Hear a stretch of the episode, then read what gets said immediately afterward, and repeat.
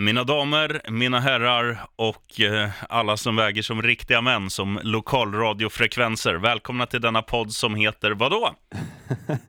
NFL med Gnistan. Och eh, undertecknad Sheriffen. Läget med dig Olsson i Växjö?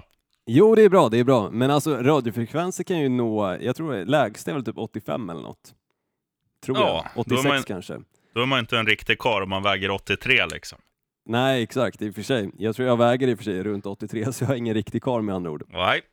Nej, nej, nej men läget är bra. Eh, fortfarande ta hand om Nelson, eh, se till så han eh, skärper sig och slutar bita på en. Eh, men det rullar på. Men det är, Nu för har att, faktiskt- det är för att Nu- tänderna växer ut, vet du. Så är det i och för sig, men nu har ju faktiskt Jordi Nelson, eh, igår tror jag det var, signade han ett endagarskontrakt och gick i pension som en Green Bay Packer.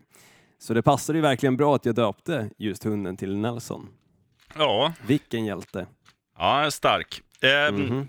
Du, eh, Hard Knocks har ju börjat gott nu. Jag har inte sett det. Har du gjort det?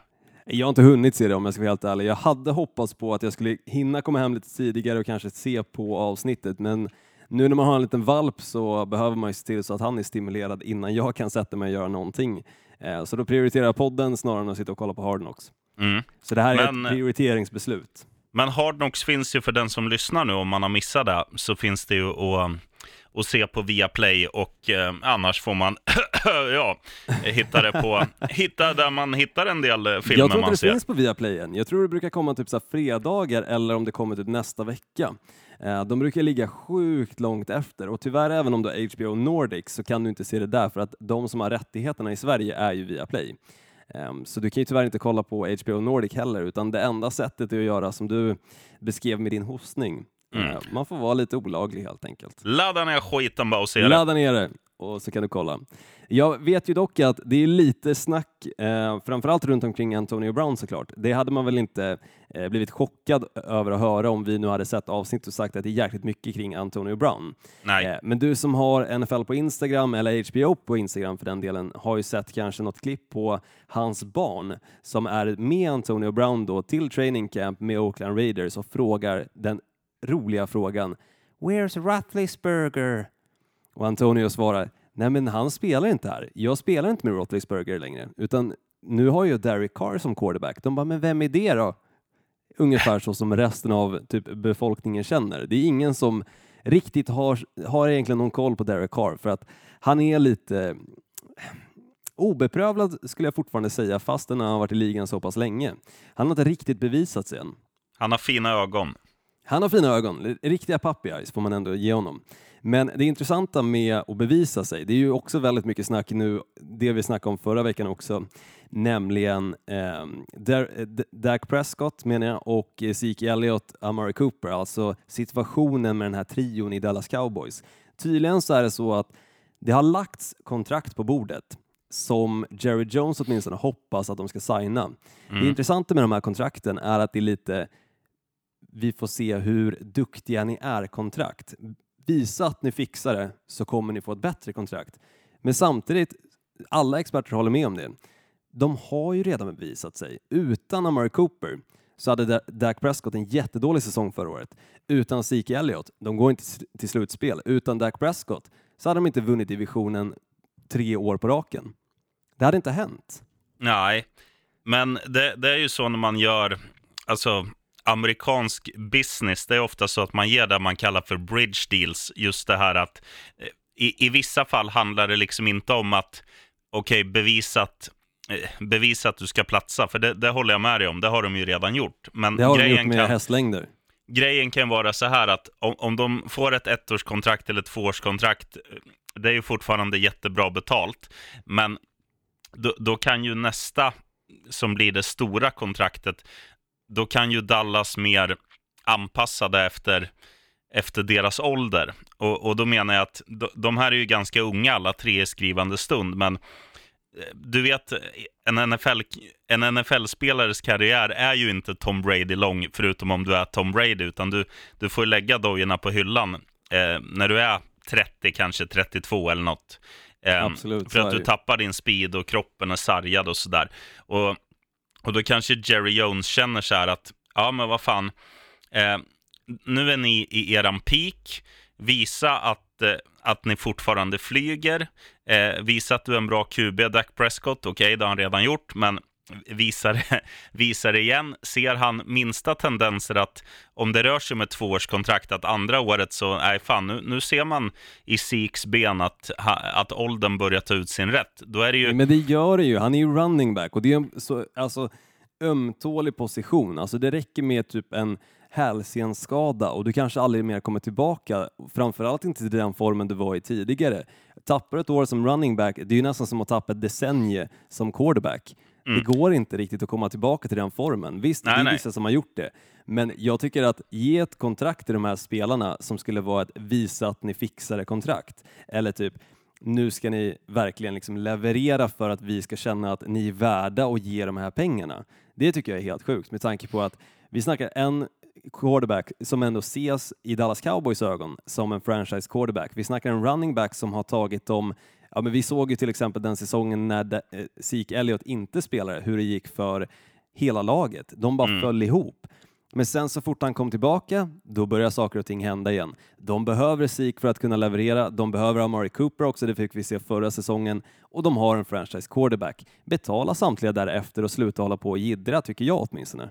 Ja, men jag, jag, jag tror det handlar mycket om att att de ska, eh, jag håller med att de har presterat, eh, men jag förstår samtidigt hans tänk att okej, okay, ser vi minsta tendens att de, att de liksom tacklar av efter de här två åren, vi bara leker med tanken att det rör sig mm. om två år, då, då, då har ju Jerry Jones ett argument att säga så här, nej du har redan passerat din peak, jag kan ju fan inte ge dig 100 miljoner dollar för att du ska springa runt och lalla som en jävla andra running back, utan nu, alltså att, att han det är ju, han försöker förhandla åt sitt läger och sen har du spelarna och deras agenter försöker givetvis trycka upp summan och, och kontraktslängden i skrivande stund.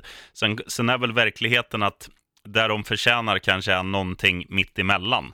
Mm, absolut, så är det ju. Men samtidigt, tänk om de faktiskt spelar den här säsongen och de vinner Super Bowl. Fatta vilket kontrakt han måste punga upp till dem då. Om det skulle ske. Nu tror jag absolut inte att det kommer ske och det pratade vi om förra avsnittet också, men det är en sån situation som säkert Jerry Jones ändå fruktar också för att det, då snackar vi väldigt mycket pengar och samtidigt såklart så vill ju ingen av de här spelarna kliva in i den här säsongen med en eventuell risk att skada sig och då missa det här stora kontraktet totalt. Nej. Det vill man ju inte som en spelare och det var ju till Nej, exempel också därför vi såg Levion Bell. Han körde en holdout för att han ville ha pengarna nu innan han blev skadad. Ja. Det är så, det är så situationen ser ut, framförallt på running back-positionen, där du kanske har fem år, sen har du inga fler år, för att det börjar gå ut för då. Det finns så många running backs som ändå är duktiga och är stora namn, kanske i 28-årsåldern, som inte riktigt är nummer ett running backs längre, men kanske var det för tre, fyra år sedan. Mm. Just för att de har dippat så pass mycket. Och det är såklart att Zeke Elliott inte vill att hans kontrakt ska komma när han väl börjar dippa, för att just nu har han två år kvar på sitt rookie-kontrakt. De kan franchise-tagga honom i två år. Det betyder att om fyra år så kanske han sitter där och ska få sitt kontrakt och då kommer han inte vara lika bra som han är idag. Nej, och det är därför Jerry Jones är smart. Men nu skiter vi i Dallas Cowgirls. Har du något mm. Har mer news from around the League? Bra, bra engelska där, sheriffen. Jag hörde att jag, jag stoppade in en snus samtidigt som jag ja. pratade, så det blev lite svajigt. Round League. Eh, nej, jag har, jag har faktiskt inget, inget speciellt så. Eh, vi, vi, kan ju lite snabbt nämna bara att eh, Melvin Gordon, jag kommer inte ihåg om vi pratade om det förra avsnittet, men Melvin Gordon kör ju också en holdout, precis då som Sik gör. Eh, de kör inte den här holdouten tillsammans, jag tror inte att de är båda i Cabo och eh, tränar. Eh, men det är ju eh, väldigt oklart om vi faktiskt kommer få se Melvin Gordon i ett lag som Los Angeles Chargers den här säsongen. Eh, mm. Jag hoppas verkligen det för att jag tycker att han är en av de roligare spelarna att kolla på i San Diego Char eller Los Angeles Chargers. Man är fortfarande kvar typ två år tillbaka, det är helt sjukt. Mm. Los Angeles Chargers, såklart. Jag tycker han är en väldigt rolig spelare och vi båda blev ju jättebesvikna när vi såg Titans mot Chargers i London på att Melvin Gordon var skadad den matchen och faktiskt inte spelade. Ehm, så jag, jag, hoppas att han stannar som en Los Angeles Chargers-spelare, men det finns en stor chans att han faktiskt byter adress. Mm. Ehm, så där är definitivt en nyhet värd att följa. Ja, absolut. Men utöver det så har jag inte så jättemycket mer än att vi kanske ska skjuta introt.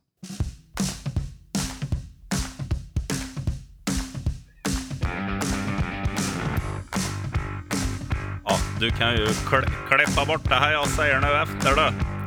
Jag gör det ja! När introt rullar. Men då, då går vi in igen då. Yes. Så, bra skjutet Olsson. Då är vi tillbaka i, i business. Och Yes. idag, vad ska vi Mm. snacka om idag Olsson?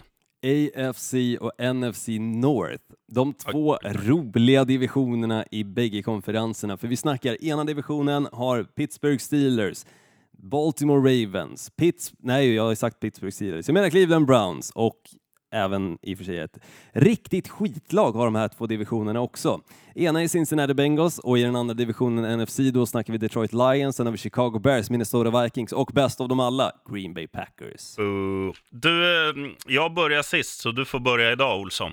Det tycker jag låter bra med tanke på att en viss eh, herre har ju slängt ditt, ehm, dina anteckningar som du hade gjort, så du kanske Ja. hinner göra några anteckningar medan jag gaggar på dem.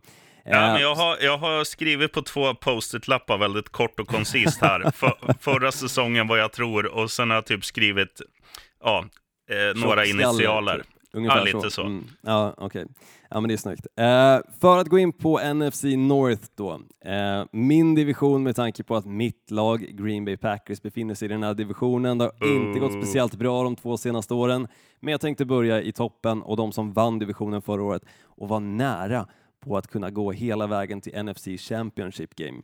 Då snackar jag om Chicago Bears, Mm. som alltså slutade säsongen 12-4, ligans bästa försvar med Khalil Mack i spetsen. Den sidan av bollen bör följa upp med en ytterligare vass säsong fastän de tappade deras defensiva koordinator Vic Fangino som är numera är head coach för Denver Broncos. Gjorde Mm. också sin debut förra veckan på torsdagsmatchen, alltså Hall of Fame. Och enligt rykten så hade han någon njursten som han var tvungen egentligen att få ut, men det stoppade inte honom från att göra sin debut. Det är ganska coolt. Ja, det, det är rock'n'roll. Hård, hård snubbe med andra ord. Mhm. Eh, men Eller, någon eller mjuk njursten.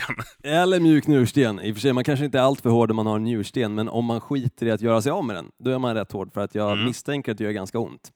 Eh, hur som helst, någon att faktiskt hålla ögonen på den här säsongen som har fått en lite större roll med tanke på att Adrian Amos, deras eh, andra safety då, har de gjort sig av med. Han är numera i Green Bay Packers. Så Eddie Oh. Jackson har ju fullt ansvar som safety och kommer dessutom enligt många spås att bli en stor nyckelspelare i deras secondary. Så du som gillar just safety-positionen, det är ju en av de positioner som jag ändå skulle säga gör mest interceptions, så är Eddie Jackson förmodligen den roligaste att kolla på den här säsongen i Chicago Bears då.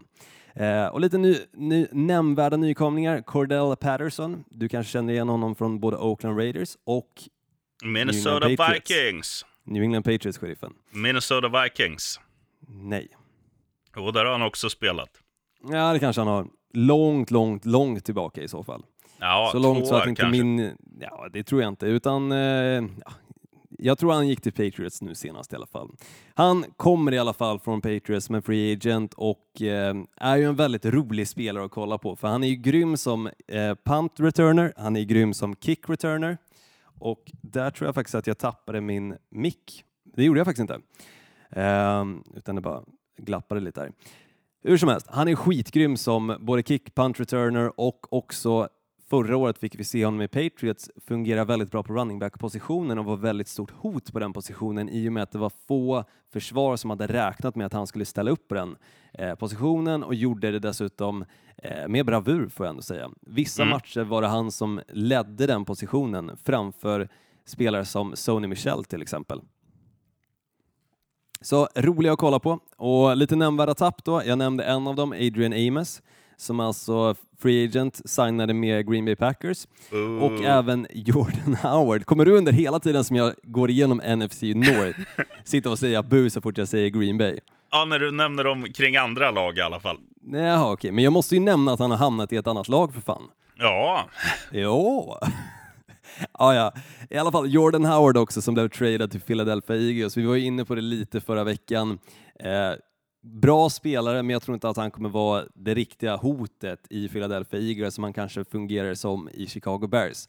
Eh, han då tillsammans med eh, Tariq Cohen som förhoppningsvis kommer ha en bra säsong, men den som jag tror kommer ha en ännu bättre säsong på running back-positionen, det är David Montgomery, rookien som draftades i tredje rundan av Chicago Bears som spås vara en av dem som kommer ha mest impact tillsammans med Miles Sanders som också draftades då, som jag nämnde förra veckan, av Philadelphia Eagles. De två tros ha mest impact på just den positionen, alltså mm. inte Josh Jacobs som draftades av Oakland Raiders. Eh, lite spännande sidnot där. Och ja. även Ridley Riley.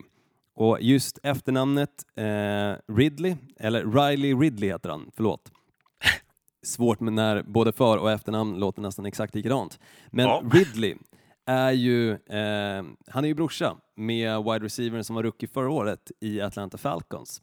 Eh, och han gjorde det väldigt bra ifrån sig, blev ett väldigt stort hot, åtminstone i mitten på säsongen. Tillsammans med Julio Jones och Mohamed Sanu var vissa matcher betydligt mycket bättre än båda, som jag nämnde precis. Och intressant att se exakt hur hans brorsa då kommer komma in i Chicago Bears.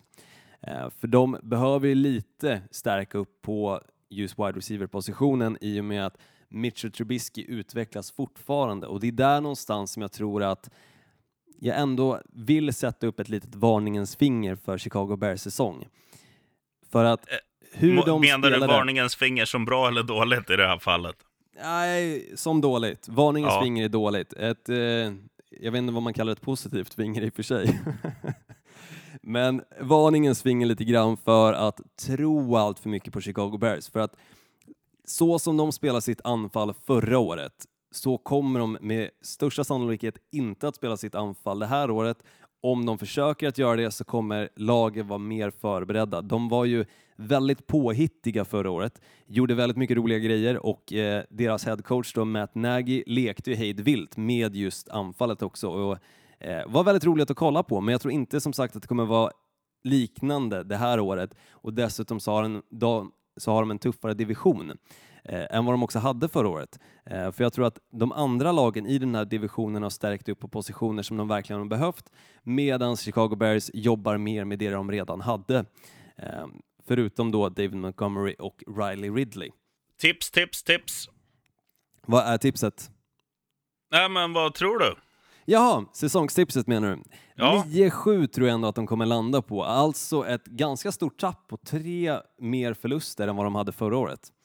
Eh, men som sagt, jag tror ändå att de kommer vara vassa, men jag tror det kommer vara vissa matcher som de kommer förlora på med kanske 2-3 poängs marginal. Eh, så 9-7 säger jag. Mm. Uh, köpert. Next! Och nästa lag då, de var verkligen hack i häl ett tag på Green Bay Packers, gick om Green Bay Packers och nu ska jag inte nämna Green Bay förrän jag Boo. faktiskt kommer till dem. Utan Minnesota Vikings är nästa lag. Mm. Au! Förväntar du mig från dig, sheriffen? Ja, det kom eko här. Mm, snyggt. 8-7-1 landade de på förra året. De hade ju den där eh, overtime-matchen som gick till att den blev lika med, med just Green Bay Packers. Du måste också få nämna sheriffen utan någon bu. Boo. Nej, det kommer ändå. Men så här är det, Minnesota Vikings har faktiskt inte heller eh, gjort jättemånga stora moves under just off-season, eh, utan lite grann som Chicago Bears så jobbar de med det de redan har. Men det stora frågetecknet med just Minnesota Vikings skulle jag säga är fortfarande Kirk Cousins, för han har aldrig, enligt min bok, bevisat sig att han faktiskt är en franchise quarterback som fixar att ta ett lag hela vägen till slutspel och längre än så.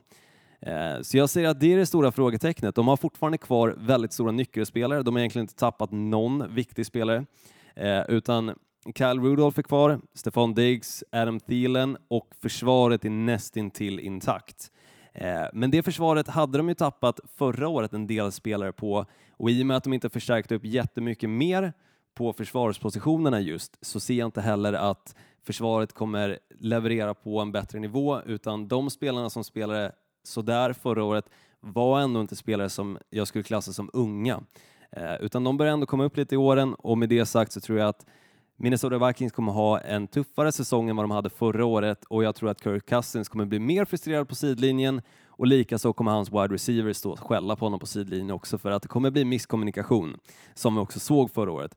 En spelare dock som kan vara intressant att kolla på i Minnesota Vikings som är rookie, Irv Smith som är tight end draftades i andra rundan, femte picket overall. Men med tanke på att de fortfarande har kvar Kyle Rudolph så tror jag inte att han kommer ha en jättebetydande roll.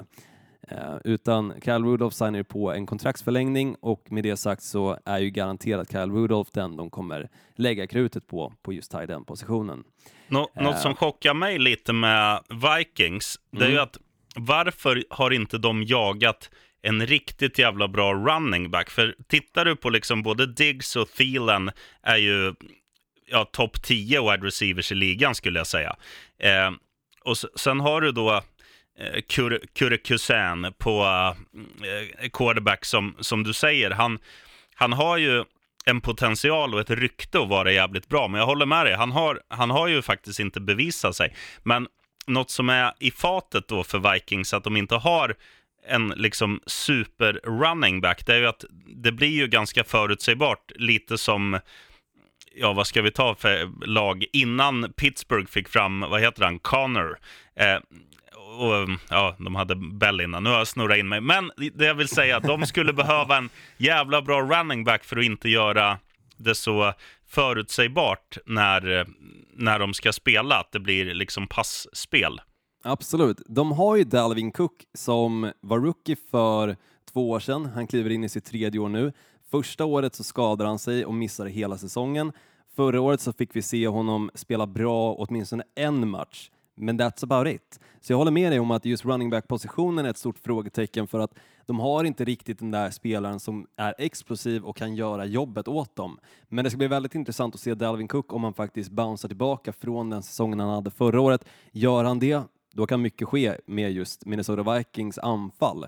Mm. Eh, sen som sagt tycker jag fortfarande att försvaret såg inte jättebra ut förra året och med tanke på att de inte stärkte upp på just de positioner som kanske behövs så tror jag fortfarande att de kommer att ha ganska tufft med just eh, försvarsdelen och därför tror jag att de kommer landa på 7-9. Mm. By, eller jag, jag tror ju jag tror omvända siffror ska jag säga, 9-7. Du tror 9-7? Mm. Alltså samma som Chicago Bears? Ja, jag tror den brukar vara tight den där divisionen och jag tror ju inte att Minnesota har ett losing record, så 9-7. Okej, okay, spännande. Eh, några som hade losing record förra året och nu får jag äntligen prata ut dem utan att du ska eh, hålla på och bua. Green Bay Packers landade ju på 6-9-1 förra året. Eh, ja. Inte den bästa säsongen, en av de sämre på, jag tror, över tio år. Och det var länge sedan, jag tror det var 90-talet, senast som Green Bay Packers hade två förlustsäsonger back-to-back. Eh, och det vill ju inte jag ska ske att det blir en tredje såklart. Nej, men alla andra. Eh, jag skulle säga det att jag, jag buade nu fast jag tryckte på mute, så jag kommer, eh, jag kommer göra så nu i fortsättningen istället. Ja, ja, okej. Okay. Du får göra vad du vill, sheriffen, så länge jag slipper höra det i alla fall. eh, men Green Bay Packers i alla fall, de har en ny headcoach och nu vet jag i mitt bakhuvud att du muta och bua. Jag känner det på mig. Eh, ny headcoach i Matt LeFleur. Eh, och sen har de ju även stärkt upp försvaret rejält och deras unga wide receivers också fått upp lite mer erfarenhet och även speltid med Rodgers, vilket är jätteviktigt för de måste klicka med Rodgers Framförallt när nästan alla wide receivers förutom Devonte Adams är eh, fjolårs rookies, alltså kliver de in i sitt andra år i NFL. Eh, men lite nämnvärda nykomlingar. Ingen av dem ska jag säga är över 27 års ålder. Vi snackar Adrian Amos som jag nämnde tidigare, safety ifrån Chicago Bears. Preston Smith, en linebacker från Washington Redskins. Sedarius Smith, alltså Smith-dudesen. Linebacker ifrån Baltimore Ravens och en av de bättre spelarna förra året ifrån Baltimore Ravens och Billy Turner, en O-line ifrån Denver Broncos. Så här snackar vi om ett lag som verkligen har stärkt upp där det har behövts. Ja. Och jag tror att det kommer göra jätteskillnad för det här laget. Samt så har de gjort sig av med både spelare som har varit väldigt skadedrabbade.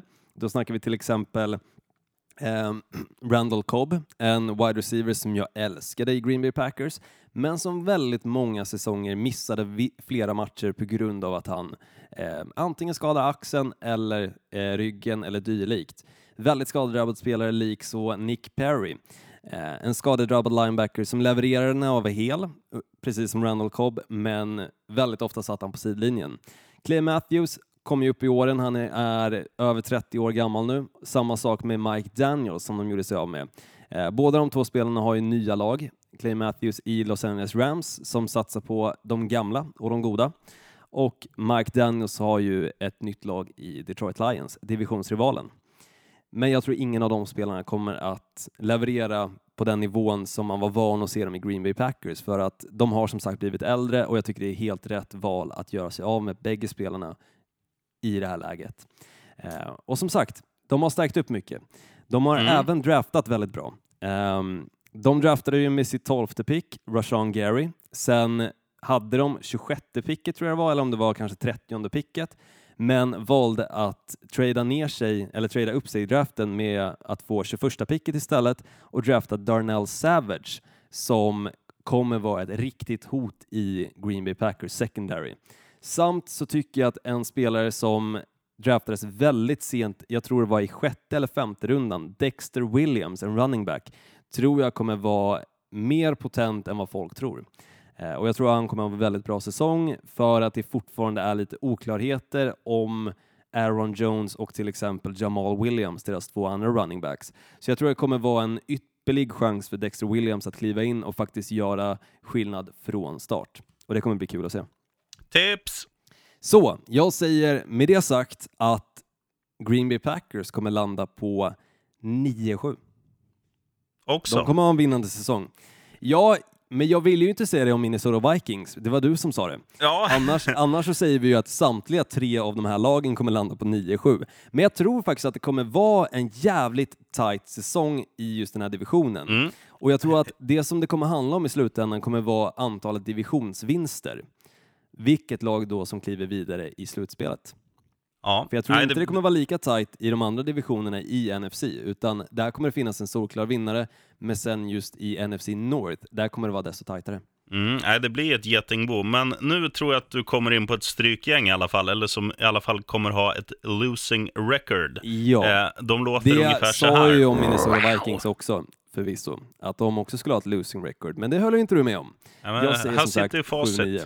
Mm. Och, och jag Det skulle vilja märkt. slå vad med dig att Green Bay inte har ett winning record. De kommer hamna på 8-8 eller sämre. S- Sätter du emot? Nej, jag sätter emot. Vad, vad är bettet då? Kör en 500 som vanligt. Okej, ja absolut. Ja, bra Olsson, har vi en deal. Ja, då har vi en deal. Detroit Lions då, 6-10 förra året. NFC Norths egna slagpåse, ungefär som de som du kommer prata om sen, Cincinnati Bengals. Lite nämnvärda nykomlingar. Det låter tyvärr som en dålig NFC NFL Fantasy Draft från 2016. Vi snackar Mike Daniels från Packers, Danny Ooh. Amendola ifrån Dolphins, Trey Flowers ifrån Patriots och CJ Anderson ifrån Rams och sen en Donk, liten donk. yngling där i mixen också med Jesse James, tight end ifrån Steelers. Men nu måste jag nog hålla med om att det som Detroit Lions gör just nu är att satsa på alltså de gamla spelarna som ingen vill ha längre. De Nej, det upp- känns, det känns lite så när man hör de där namnen. Sen, sen får man ju säga så här att eh, Detroit har ju satsat ungt i, i många år och fått fram några stycken intressanta spelare, får man ändå ge dem. Och det, det kanske handlar om att de känner att det behöver komma in lite lagpappor och liksom styra upp de där eh, kidsen som springer runt som att det vore en fritidsgård på Ford Field, att de måste ta sig i kragen. Så det kan ju vara en sån grej att de ska komma in mer som ledarfigurer eh, kontra sådana som ska göra det för dem på planen, utan att det blir mer locker room eh, guys, locker room presence, eh, kalla det vad du Jo, vill. Men Jag förstår vad du menar, men samtidigt är inte hela Detroit Lions nästan bara fyllt av typ så här farsor. Jag tycker Ja. åtminstone det när man går igenom, alltså, jo men lyssna, sheriffen. Jag gick igenom hela deras roster igår kväll och jag skulle göra det just av anledningen att se lite nämnvärda tapp. Och så kom jag på det att hur ska man ens kunna säga att det finns några nämnvärda tapp när laget knappt består av några nämnvärda spelare? Alltså nämnvärda spelare i Lions, förutom de som jag redan har nämnt, det är Matt Stafford, Kenny Golladay, Darius Slay och Matt Prader, en fucking kicker. ja, det är han, ett lag eh, vad som heter inte han? har- Mohammed, eh, någonting sånt. Ja, nu vet Abdu-. Abdullah, typ. Nej, han har ju, eh, han är ju inte med där längre. Var fan är han då? Ehm, ja, jättebra fråga. Jag har för mig att han blev eh, droppad faktiskt av något lag för inte alls så länge sedan, eller om han faktiskt blev droppad av just Detroit Lions. Um, så nej, det, det, här är det, det här är det laget de har. Ja. Alltså det kommer vara ett sånt strykgäng i år.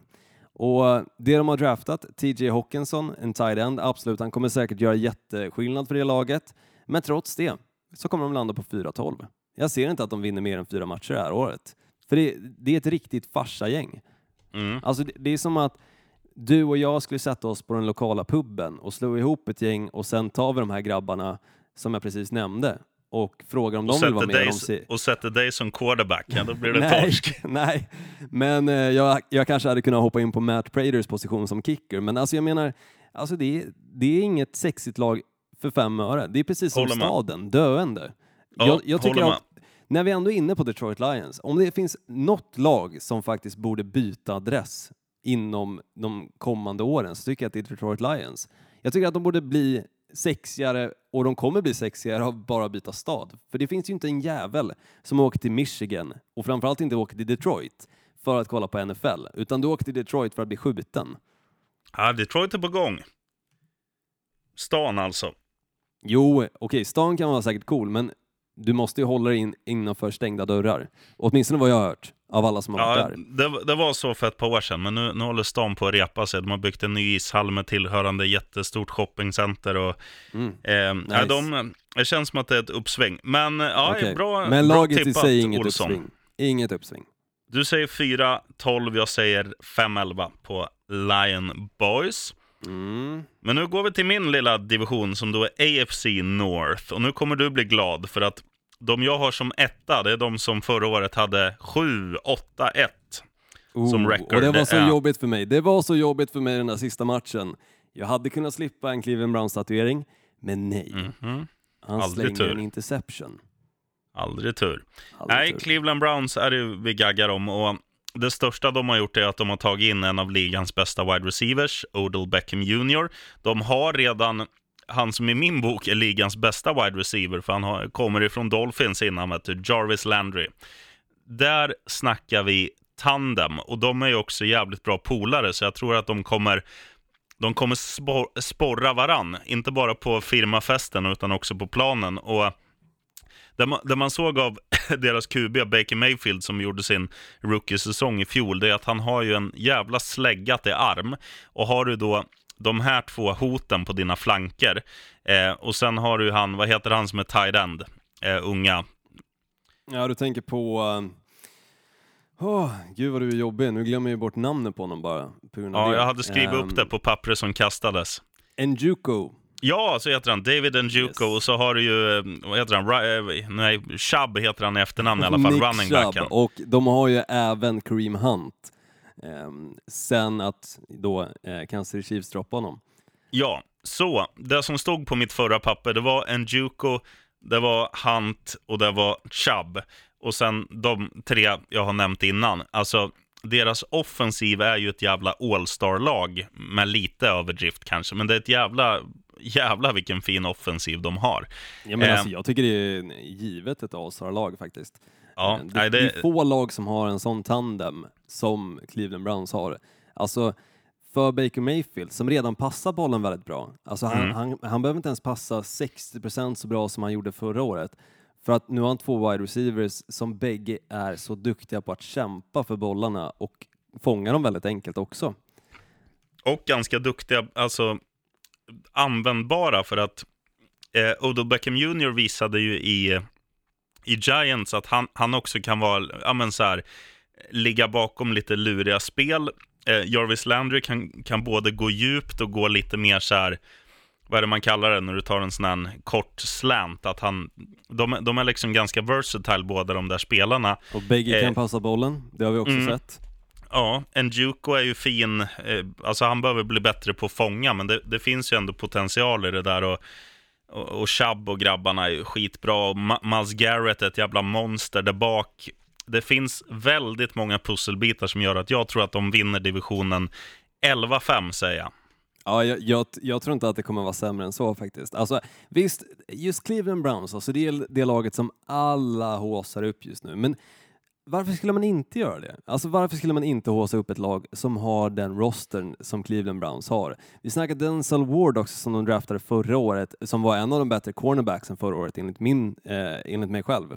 Eh, och i år så draftade de Greedy Williams som har varit jätteduktig i college och som tillsammans med Denzel Ward täcker varsin sida och det kommer vara riktigt farligt lag i år. Alltså räkna inte bort Cleveland Browns vad du än gör. Alltså det här laget kommer gå långt. Det tror jag. Mm. Håller med. Om, det, om du undrar vad det är som dunkar i väggen här bakom så undrar jag samma sak. eh, vidare till nästa skitlag. Jag vill inte ens veta.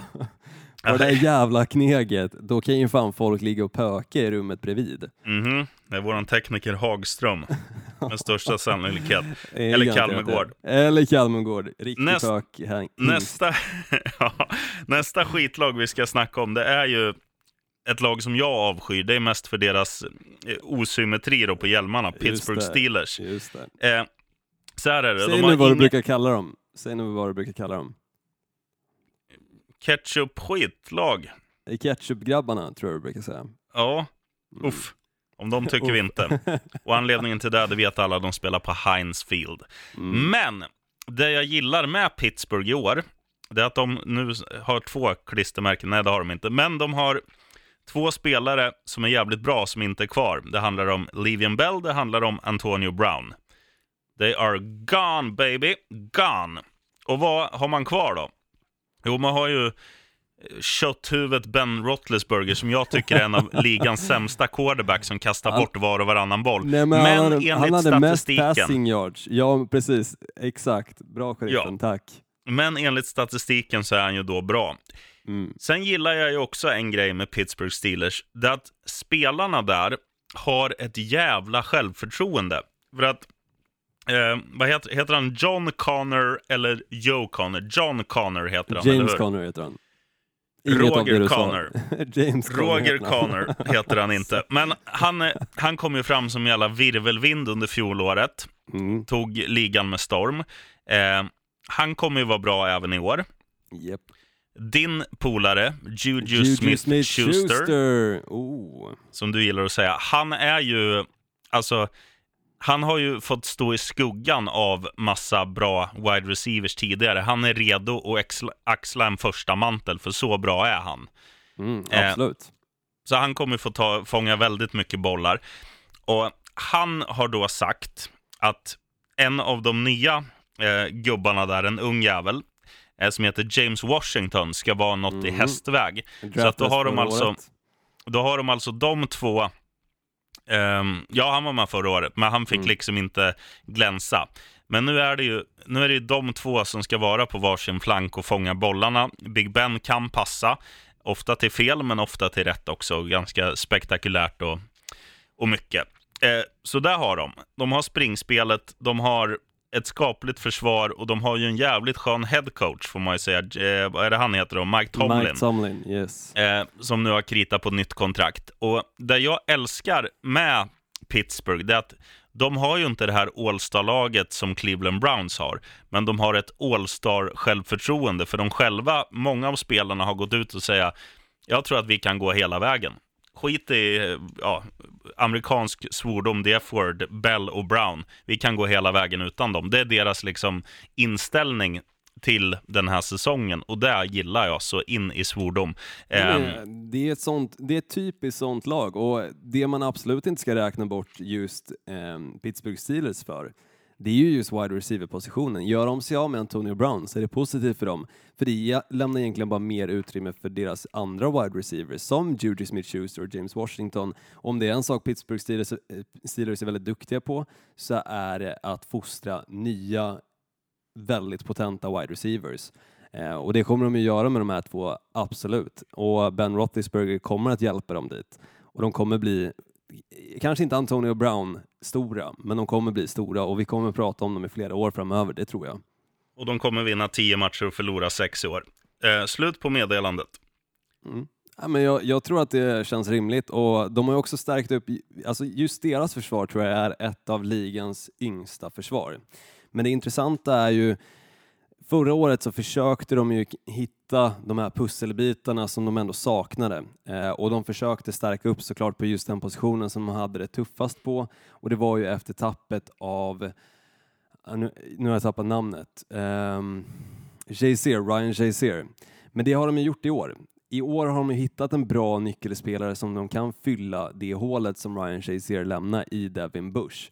Och det kommer bli väldigt roligt att se hur han faktiskt kommer att leverera. Han klev ju ut på scenen under NFL Draft Day och såg ut ungefär som Michael Jackson. Så jag hoppas att han har lite swagger på planen också för att om han levererar om han levererar någonstans i närheten av det som jag vet att Pittsburgh Steelers förväntar sig, då kommer det här vara ett farligt lag. Det kommer det vara.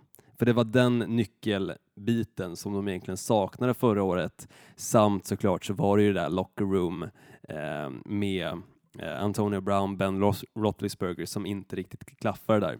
Eh, som tyvärr påverkar hela laget, men det har de inte kvar längre. Så Nej. jag håller med dig, sheriffen. 10-6 låter rimligt. Och på tal om 10-6, det hade Baltimore Ravens som record i fjol, men det kommer de inte att ha i år. Eh, De har däremot gjort en jävligt fin och smart värvning. De har tagit in eh, Mark Ingram, som under många år har varit eh, running back, i- eller under hela sin karriär typ, har varit running back i eh, ditt lag, eh, ditt andra lag. Nej, det, man- mitt andra lag är Cleveland Browns. Jag har ju fan deras logga tatuerad på armen. Ja, deras tredje lag då. Eh, Ja, Men eh, som man alltid glömmer staden, man vill bara säga Saints, New men New Orleans Orleans. Mm. ligger där bak i, i huvudet och gråar. Ha, han har ju kommit in och han är ju, han är ju bra så in i Håkan, det får man ju säga. Ehm, I förfjol eh, 12 touchdowns, i fjol 6 touchdowns. Hade en lite svagare säsong, men där har du ju en jävla bra running back. Det, Absolut. mer behöver man inte säga. det sköna med Baltimore, äntligen har de gjort sig av med Joe Flacco. Det var ju Mhm. på tiden. Men det kan ju vara det här som fäller dem också, att de har tagit in Mark Ingram i fel läge. De skulle ha tagit in en sån spelare när de hade Joe Flacco, för Joe Flacco kunde passa Lamar Jackson, deras nuvarande QB. Vad kan han? Jo, han kan springa. Så att det kommer bli lättläst att det blir väldigt mycket, mycket springspel tror jag på det här laget. Sen kan det funka, absolut, för Kommer han behålla bollen? Kommer han ge den till Ingram? Kommer han ge den till en annan spelare? Eller kommer han kasta kort på Village Need? Vi får se. Bollen är rund. Nej, förlåt, äggformad. Eh, Baltimore är också ett lag som, som är... Alltså, det känns som att så länge man har följt NFL så är ju Baltimore det största och bästa exemplet på ett lag som alltid är inblandade i jämna matcher och som alltid får vågskålen att tippa över när de spelar hemma. Det blir liksom ett avgörande field goal från eh, Justin Tucker och eh, sådana där grejer. Jag, jag tror det blir likadant i år. Jag tror de vinner majoriteten av hemmamatcherna, förlorar majoriteten av bortamatcherna. 8-8 game over. Men det är intressant det där du nämner just med Lamar Jackson och passa, för att jag har faktiskt sett lite klipp på Lamar Jackson som gör det väldigt bra när han passar bollen. Eh, och det är ser träning, ut. Olsson. Det är Absolut, det är Olsson. träning, han har inte samma pressure på sig som man skulle ha under en match, men jag tror fortsätter han att bygga sitt självförtroende i sitt passningsspel så tror jag absolut att det kan bli skillnad och med spelare som de har draftat också, som till exempel Marquise Hollywood Brown som de draftade i första rundan, samt Miles Boykin som de draftade i tredje rundan, båda wide receivers, så är det såklart att de, de vill ju bygga på det här passningsspelet som Lamar Jackson saknade förra året och som de blev av med med Joe Flacco. Men samtidigt så kan man ju inte säga att Joe Flacco var någon gud på att passa bollen heller. Nej, Så jag tror oavsett vad så är det egentligen bara positivt för laget att bli av med en spelare som Joe Flacco för att han har varit ifrågasatt så pass länge och nu har de ändå en ung och en väldigt het spelare i Lamar Jackson som är väldigt rolig att kolla på. För Vet man vet Joe aldrig exakt Flacco vad som är? händer. Han är i Denver Broncos, men vad menar du? nej, men vet du vad Joe Flacco är? Mellanmjölk. Nej, han är the poor man's Eli Manning, för han har också levt de sista åren på att, ha vunnit, att han har vunnit en Super Bowl-ring. Mm, så är det i och för sig. Men jag skulle ändå säga att Joe Flacco faktiskt är snäppet bättre än Eli Manning. Och det är ändå sjukt då att Eli Idag Manning... kanske. Ja, idag. Men eh, även förra säsongen. Eh, Ja. Tills han skadade sig. Och även förrförra. Men eh, Ja, tidigare så... Ja. Manning har väl haft en högre topp. Mm, Men eh, Jag förstår vad du menar. 8-8, vad tror du Mm. Olsson? Jag tror faktiskt också det. Jag, Jag säger 8-8 också. Eh, anledningen inte för att jag tror att Baltimore Ravens kommer ha en alltså, dålig säsong, det tror jag inte, för 8-8 är ändå acceptabelt, men man vill ju såklart ha en helt vinnande säsong. Man vill inte gå eh, flat liksom, för då kan du lika gärna lägga det redan nu nästan. Eh, men 8-8 eh, tror jag av anledningen att deras division har blivit svårare med Cleveland Browns. Det är inte samma slagpåse som de var tidigare, vilket betyder att det är två matcher som de förmodligen det här året inte kommer att vinna. Eh, och de Mm. två matcherna hade förmodligen gett dem 10-6 istället. Ja. Men nu kommer de få 8-8 på grund av att Cleveland Browns har blivit bättre. Men ett lag som eh, gör Baltimore bättre, det är två enkla segrar, det är ju Cincinnati Bengals. Vilket men de gör alla skräplag. bättre. De gör ju Ja. alla bättre. Alltså. Jag, jag var inne på att sticka ut hakan och, och säga att ja, i fjol gick de 6-10. Eh, I år går de 0-16, men det tror jag inte riktigt. Eh, för någon match må de vinna. Det finns lite potential i det här laget ändå. Mm, Eh, jo, det gör det. Mm. A.J. Men Green en- är ju en dock av dem- skadad. Exakt, det var det jag skulle komma till. Den potentialen de har, förutom Joe Mixon, är ju skadad. Ja, men inte hela säsongen, utan kommer tillbaka eh, kanske I efter fyra, oktober. fem matcher. Mm.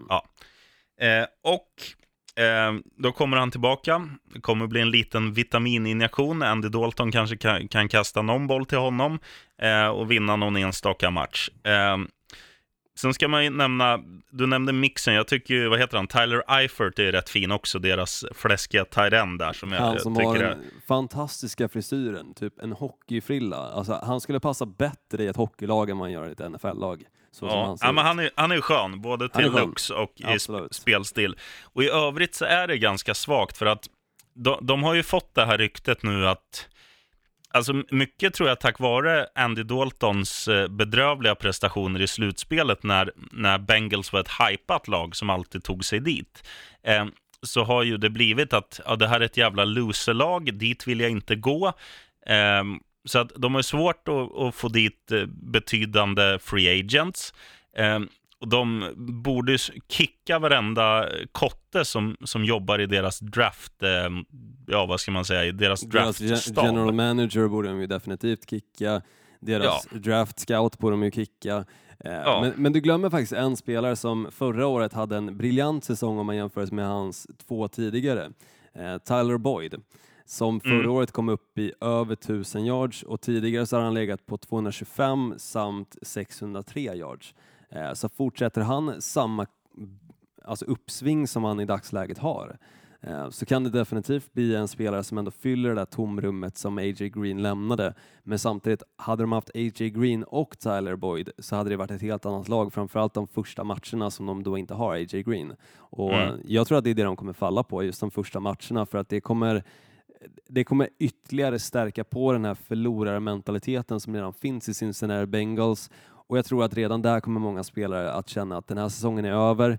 Kan vi inte bara drafta bra nästa år? Kan vi inte göra någonting i Free Agency nästa år? Eller kan inte tr- trada mig? Eller kan inte jag, ja som sagt, få ett kontrakt av någon annan jävel. Eh, Exakt. 6-10 i fjol, 4-12 i år. Och det var ju det jag var inne på, Sheriffen. Jag sa det innan vi började prata om våra lag, att båda våra divisioner har likvärdiga sunklag, slagpåsarna. Och jag tror att Detroit Lions kommer landa på 4-12, du tror att Cincinnati Bengals kommer landa på 4-12. Slagpåsarna, Mm. där har vi Och, dem. Do- Och de... och Dolphins förra veckan tror jag också jag sa 4-12, men Mm.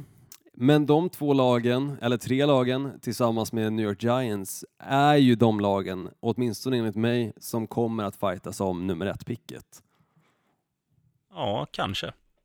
För jag har svårt att se många av de andra divisionerna som vi kommer snacka om, eller de åtta andra divisionerna då.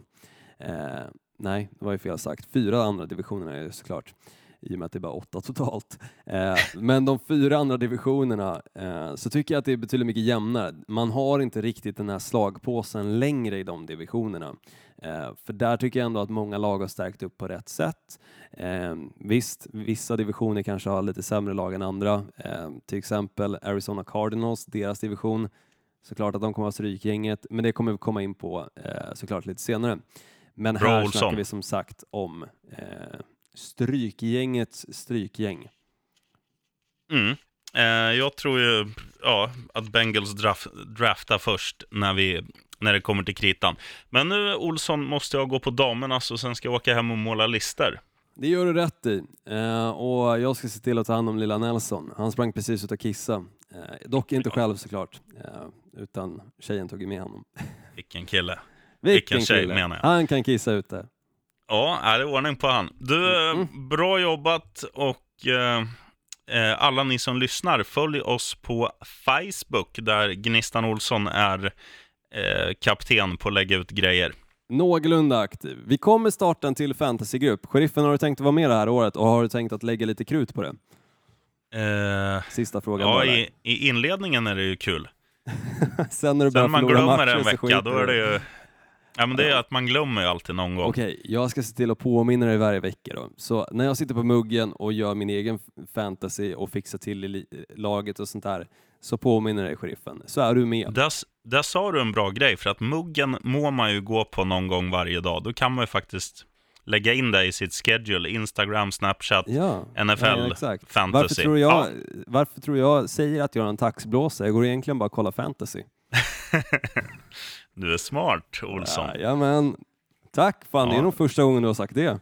Jag tror det också. Det kändes väl, väldigt mysko i min mun. Ja, Men NFL med Gnistan och Sheriffen på Facebook, det är bara in och, och kötta där så, så är vi tillbaka om en vecka, eller hur? yes, så hörs vi då. Skit ner Ja. dig sheriffen. Ja, Bokstavligen. Olsson. right on. Hej.